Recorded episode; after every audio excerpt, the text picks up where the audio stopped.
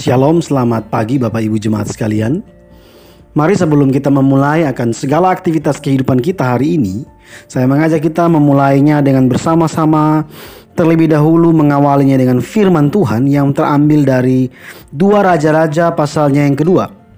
Dua raja-raja pasalnya yang kedua, kita sama-sama melihat ayatnya yang ke-19 sampai dengan ayatnya yang ke-22.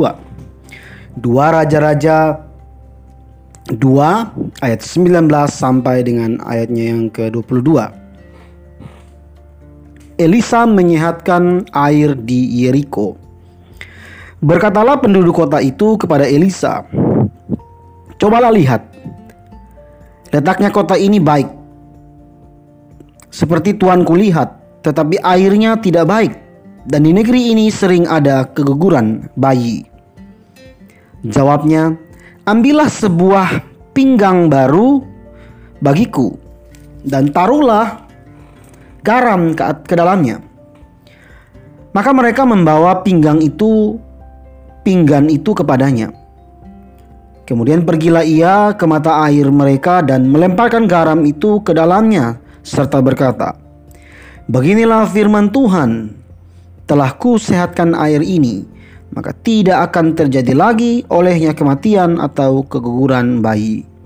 Demikianlah air itu menjadi sehat sampai hari ini, sesuai dengan firman yang telah disampaikan Elisa. Bapak Ibu jemaat sekalian, kita tidak asing lagi dengan garam ya. Tentu di setiap rumah kita masing-masing tentu ada garam. Nah, apakah yang terjadi seandainya tidak ada garam. Kita menyantap masakan yang hambar tentunya. Bahan-bahan makanan cepat busuk. Secara khusus cara pengawetan tradisional yang dilakukan oleh orang-orang tradisional dengan menggunakan garam. Maka tidak ada garam tentu orang yang tidak punya kulkas makanannya gampang busuk. Bahkan kita akan kehilangan bahan obat yang mujarab dan sebagainya. Ada orang berkata bahwa kalau sakit gigi itu kumur air garam akan mengurangi rasa nyerinya.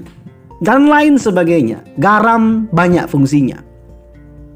Nah, suatu kejadian di kota Yeriko yang kita lihat dalam bacaan tadi menunjukkan manfaat garam.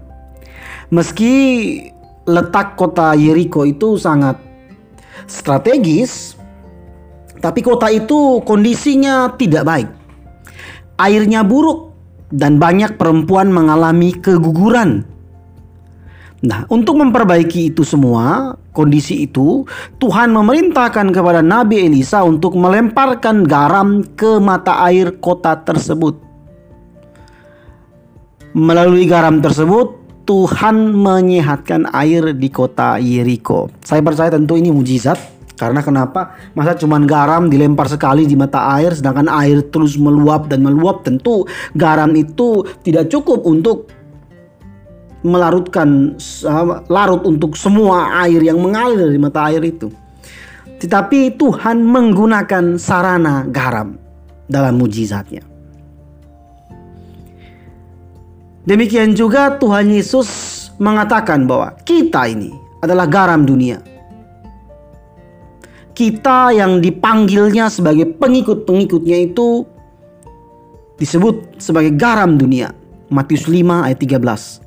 Nah, sudahkah kita memenuhi harapan Tuhan agar kita menjadi garam yang menyehatkan di mana pun kita berada? Melalui kasih, kepedulian, dan perbuatan baik kita kepada sesama adalah kesaksian yang dapat membawa setiap orang memuliakan Bapa di sorga.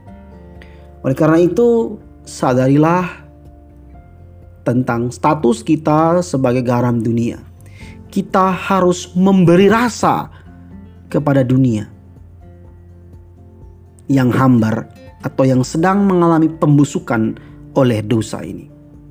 Mulailah hari ini dengan menggarami sekitar kita. Amin. Tuhan Yesus memberkati.